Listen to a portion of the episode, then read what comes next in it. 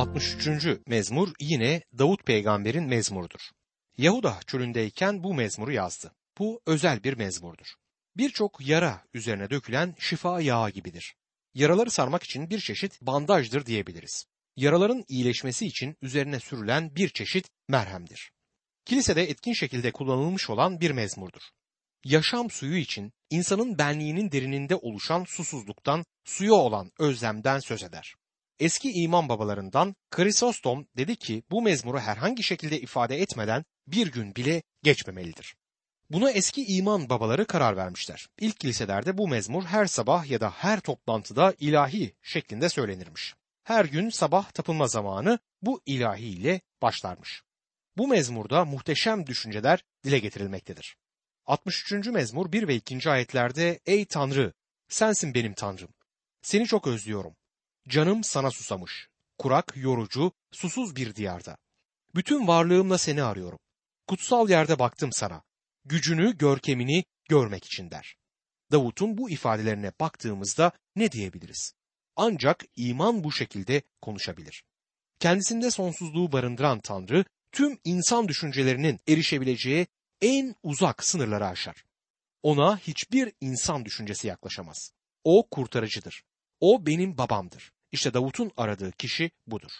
Öyle şekilde onu arar ki çölde susuzluktan bağrı yanan insanın suyu arayışına benzetir bu durumu.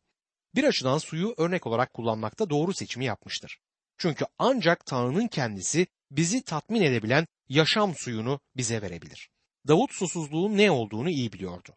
Ölü Deniz yakınlarındaki mağaralarda saklanmıştı. O bölge tamamıyla çöldü. Davut'un saklandığı bu bölgede insan gerçekten susamanın ne olduğunu tecrübe eder. Ama Davut'un canı suya değil Rab'be susamıştı. Sen de onun gibi Tanrı'ya, diri Tanrı'ya susadın mı? Tanrı'ya karşı yüreğinde derin bir sevgi var mı? Onu özlüyor musun? Yoksa iman hayatın artık sıkıcı mı? Omuzlarında ağır bir yük varmış gibi yaşıyor musun?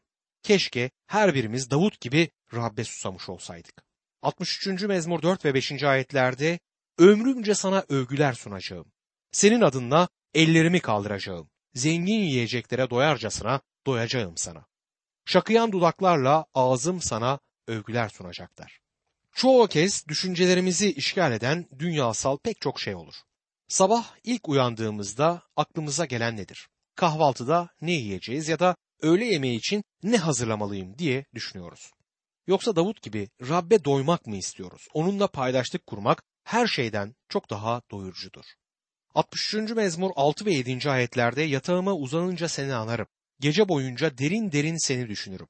Çünkü sen bana yardımcı oldun. Kanatlarının gölgesinde sevincimi dile getiririm der.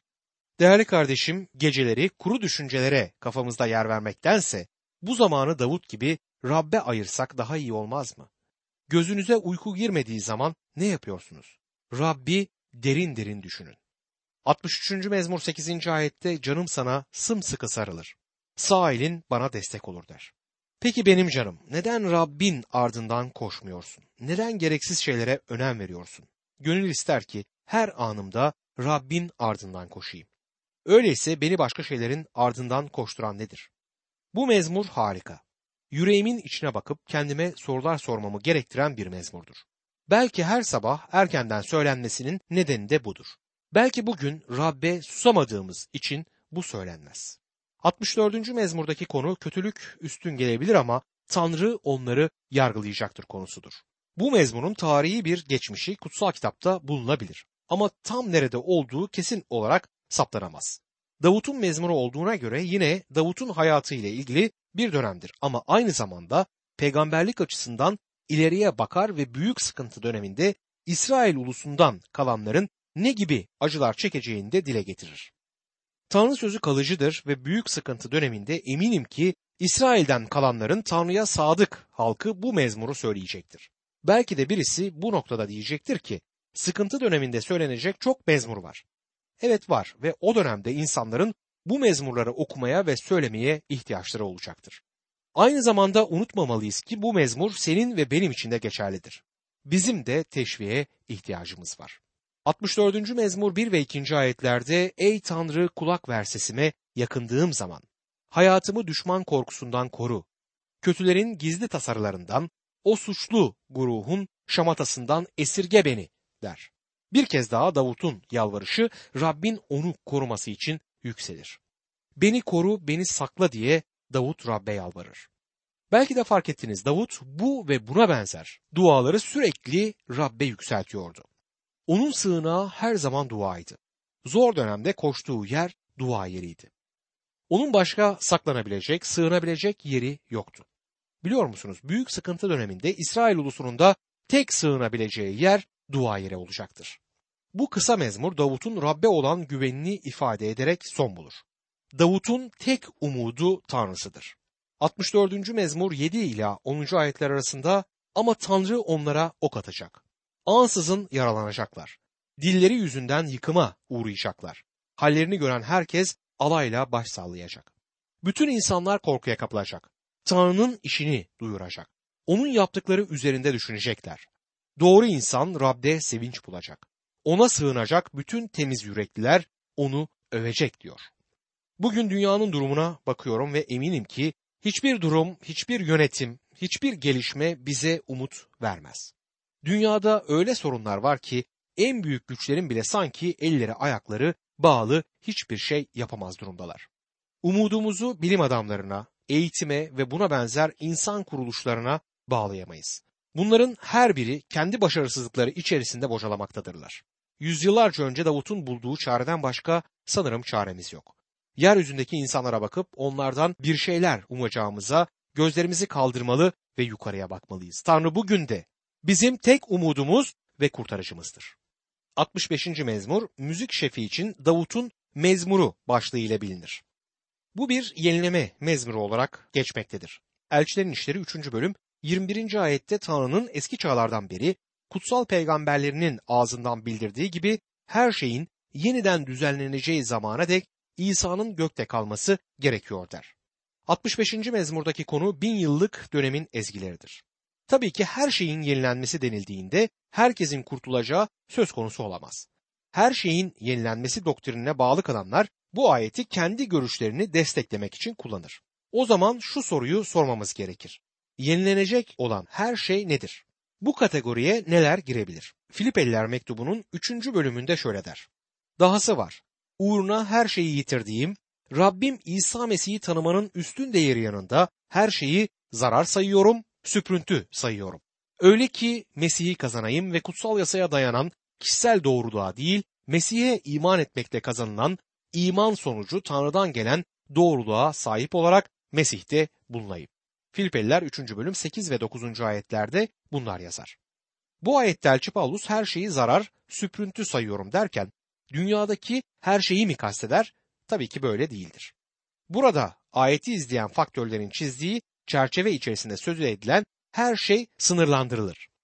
Elçilerin İşleri 3. bölüm 21. ayette Tanrı'nın eski çağlardan beri kutsal peygamberlerinin ağzından bildirdiği gibi her şeyin yeniden düzenleneceği zamana dek İsa'nın gökte kalması gerekiyor. Sözü peygamberler daha önce İsrail ulusunun yenilenmesinden söz etmektedir olarak açıklanır. Kutsal kitabın hiçbir yerinde kötülükleri içerisinde ölmüş olan kötülerin tekrar yenileneceği söz konusu olmaz. 65. mezmur 1. ayet Ey Tanrı Siyon'da seni övgü bekliyor. Yerine getirilecek sana adanan adaklar der. Siyon'dan söz edilirken bu yersel anlamda Siyon'dur. Yani göksel bir Siyon'dan burada söz edilmez. Burada yeryüzünde coğrafi bir Siyon'dan, coğrafi bir yerden söz edilir. Siyon dağını görenler ve o dağa çıkanlar cennete gittiklerini tabii ki söyleyemezler. Fiziksel açıdan çok enerji sarf edip o yüksek dağa çıkarsınız. Davut bu mezmurda Siyon'dan söz ederken işte yeryüzündeki bu coğrafi yerden söz etmektedir. 65. mezmur 4. ayette ne mutlu avlularında otursun diye seçip kendine yaklaştırdığın kişiye, evinin kutsal tapınağının nimetlerine doyacağız der. Kurtarılmış bir ulus olarak sevinçlerini burada ifade ederler. Senin evinin iyilikleri ve kutsal tapınağın bizi tatmin edecek derken bunun onlar için ne kadar sevinç verici bir olay olduğu dile getirilir. 65. mezmur 9 ila 13. ayetler arasında toprağa bakar çok verimli kılarsın. Onu zenginliğe boğarsın. Ey Tanrı ırmakların suyla doludur. İnsanlara tahıl sağlarsın. Çünkü sen toprağa şöyle hazırlarsın. Sabanın açtığı yarıkları bolca sular, sırtlarını düzlersin. Yağmurlarla toprağı yumuşatır, ürünlerine bereket katarsın. İyiliklerinle yılı taçlandırırsın. Arabalarının geçtiği yollardan bolluk akar. Otlaklar yeşillenir. Tepeler sevince bürünür. Çayırlar sürülerle bezenir. Vadiler ekinle örtünür. Sevinçten haykırır, ezgi söylerler. Burada gördüğümüz her şey ezgi söylemektedir. İşte burada bin yıllık dönemin güzel bir resmi sözlerle önümüze serilir. Çölde çiçekler açmaya başlar ve nihayet yeryüzü tam bir barışa kavuşur. Şimdi 66. mezmura geldik. Bu mezmurun başlığı müzik şefi için ilahi mezmurdur. Acaba bunu da Davut mu yazdı? Bilmiyoruz ama belki de yazmış olabilir. Yine de bu mezmur konusunda tarihi bir bilgiye sahip değiliz. Birçok kişi bu mezmurun yazılış nedeni konusunda tahminlerde bulunur. Tanrı'ya yönelik bir övgü mezmurudur ve aynı zamanda Rab'be tapınmak için teşvik edici bir mezmurdur. Mezmur yazarı 8. ayette ey halklar Tanrımıza şükredin övgülerini duyurun diye yazar. Her çağda Rabbin her ulusta, her yerde takdis edilmesi için teşvik edilmekteyiz. Rabbin halkı olarak ona yükselen övgüler her yerde duyurulsun der. Aynı zamanda ileride bir gün gelecek ki gerçekten her yerde Rabbe övgüler yükselecektir. Bin yıllık egemenlik döneminde Rabbe övgü sesleri her yerden duyulacaktır. Ama bugün de bize aynı mesaj verilmektedir.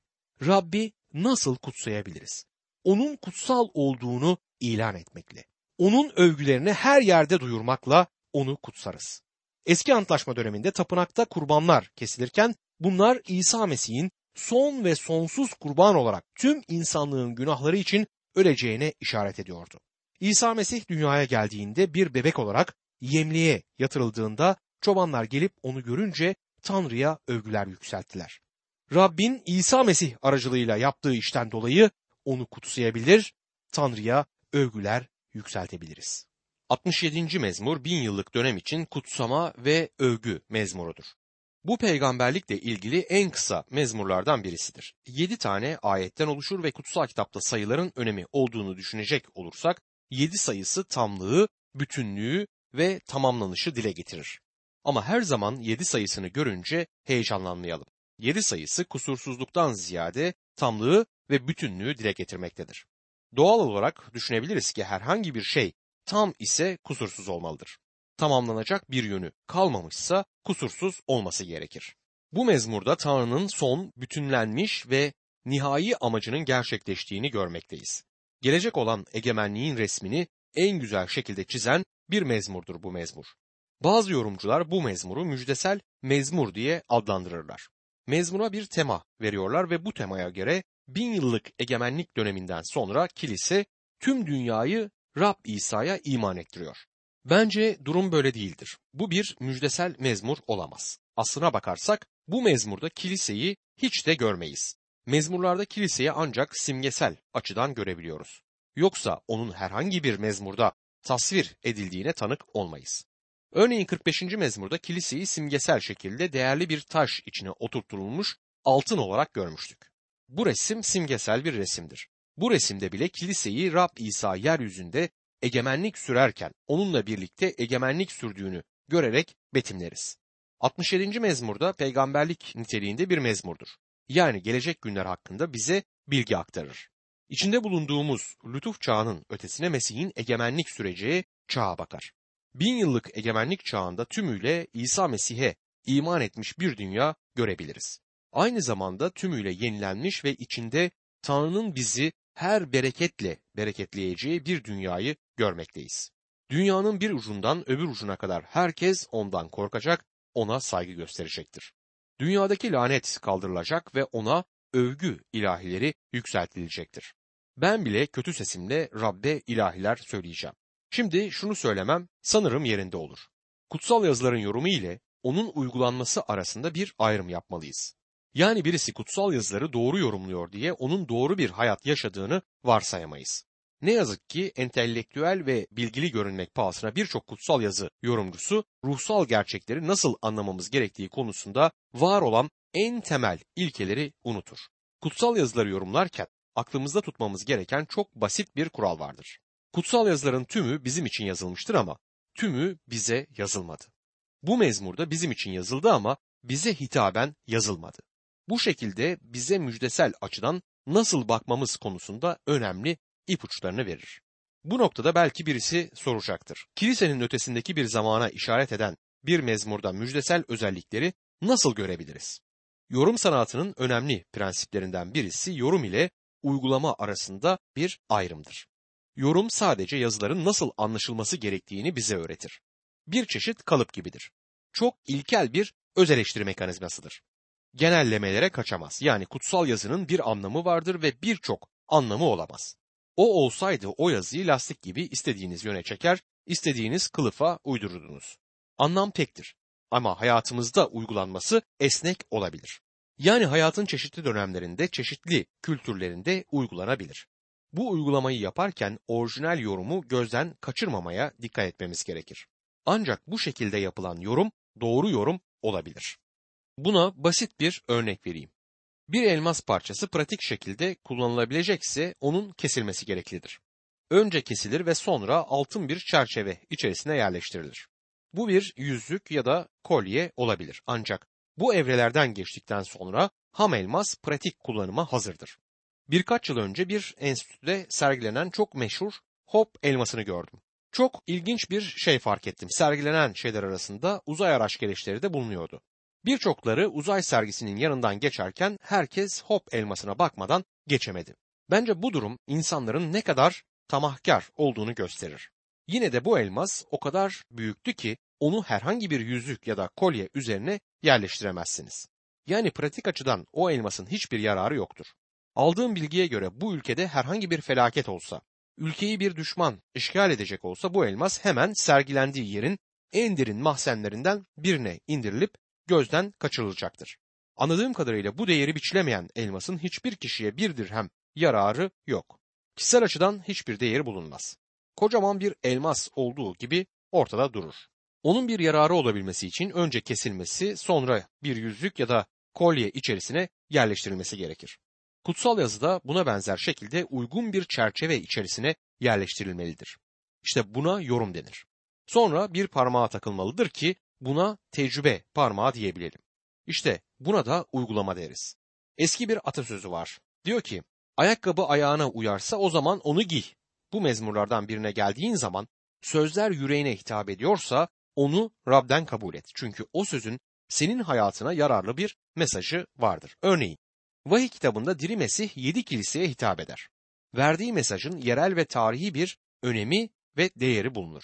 Verdiği mesajı Vahiy 3. bölüm 13. ayette şöyle sonuçlandırır.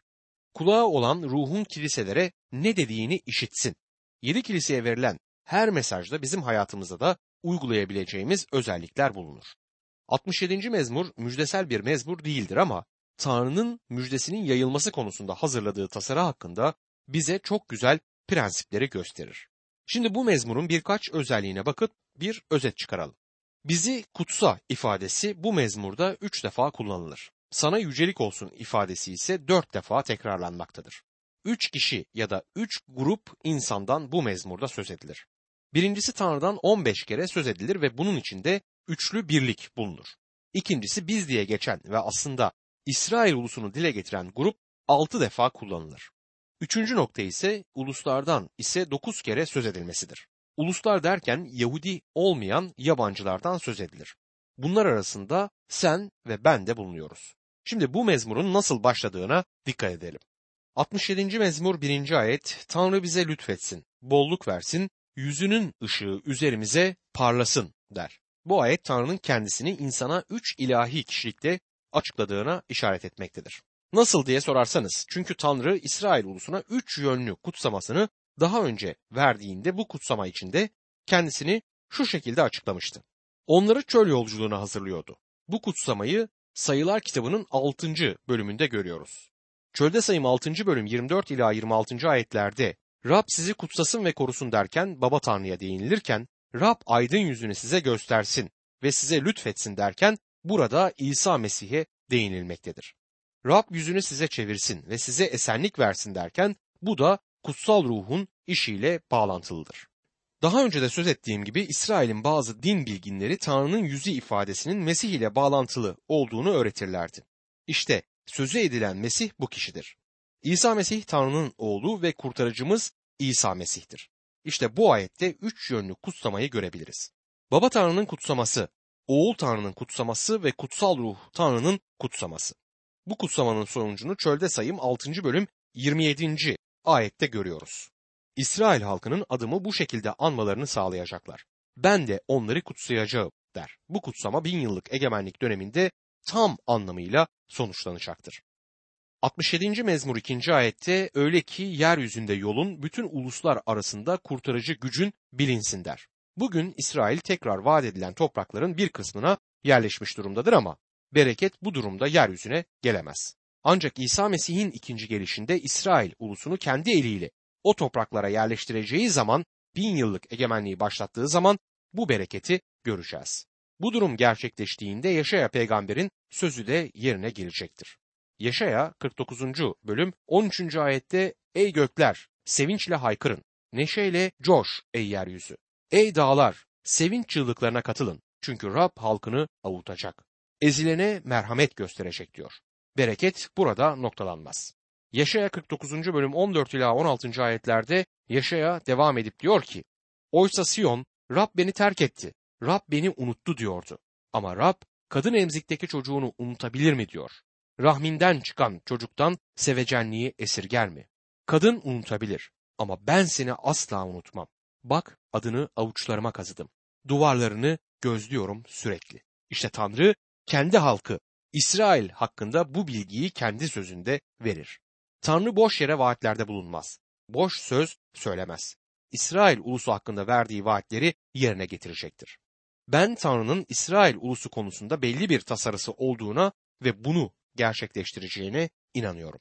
67. mezmur 3 ve 4. ayetlerde halklar sana şükretsin ey Tanrı. Bütün halklar sana şükretsin. Uluslar sevinsin, sevinçten çığlık atsın. Çünkü sen halkları adaletle yargılarsın, yeryüzündeki uluslara yol gösterirsin der. Bu muhteşem vaadi Tanrı İbrahim'e vermişti. Yaratılış kitabının 12. bölümünde bunu okuyabiliyoruz. Yaratılış 12. bölüm 1 ila 3. ayetler arasında Rab Avram'a ülkeni, akrabalarını, baba evini bırak. Sana göstereceğim ülkeye git dedi. Seni büyük bir ulus yapacağım. Seni kutsayacak, sana ün kazandıracağım. Bereket kaynağı olacaksın.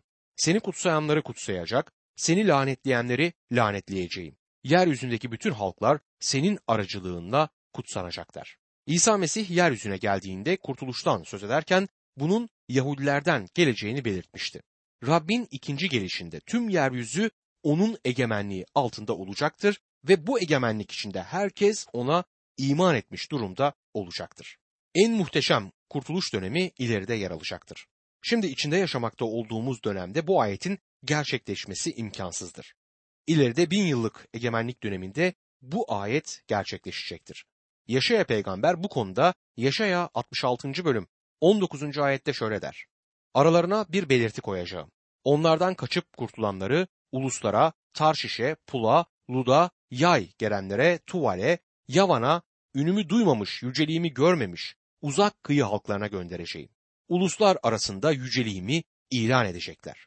Evet ileride bir gün gelecek ve o gün herkes Rabbe iman edecektir. 67. mezmur 5. ayette halklar sana şükretsin ey Tanrı. Bütün halklar sana şükretsin der. Tanrı'nın amacı, hedefi nedir? İsrail ulusunu tekrar vaat edilen topraklara yerleştirmek ve verilen sınırları tekrar çizmek mi? Bence Tanrı'nın amacı sadece bu olamaz. Tek bir ulus için tüm insanlık tarihinde bu kadar işi Tanrı yapmaz. Aynı zamanda anlamalıyız ki kilise her ne kadar ateşli bir şekilde müjdeyi tüm dünyaya duyursa bile tüm dünyayı Rab İsa Mesih'e kazandıramaz. Herkesin tövbe edip Rabbe iman etmesini sağlayamaz. Kilise tüm dünyanın iman etmesine aracılık edemez. Bazıları Mesih'in ikinci gelişini hızlandırmak için tüm dünyanın müjdeyi duyması gerektiğini ileri sürerek bu şekilde Tanrı egemenliğinin en yakın zamanda yeryüzünde kurulmasını sağlayacaklarına inanıyorlar. Romalılar 11. bölüm 25. ayette bu düşüncenin yanlış olduğunu anlarız. Romalılar 11. bölüm 25. ayette kardeşler bilgiçliğe kapılmamanız için şu sırdan habersiz kalmanızı istemem. İsraillerden bir bölümün yüreği öteki uluslardan kurtulacakların sayısı tamamlanıncaya dek duyarsız kalacaktır der. Peki ne zamana kadar beklemeliyiz? Uluslardan kurtulacakların sayısı tamamlanıncaya dek diyor kutsal kitap.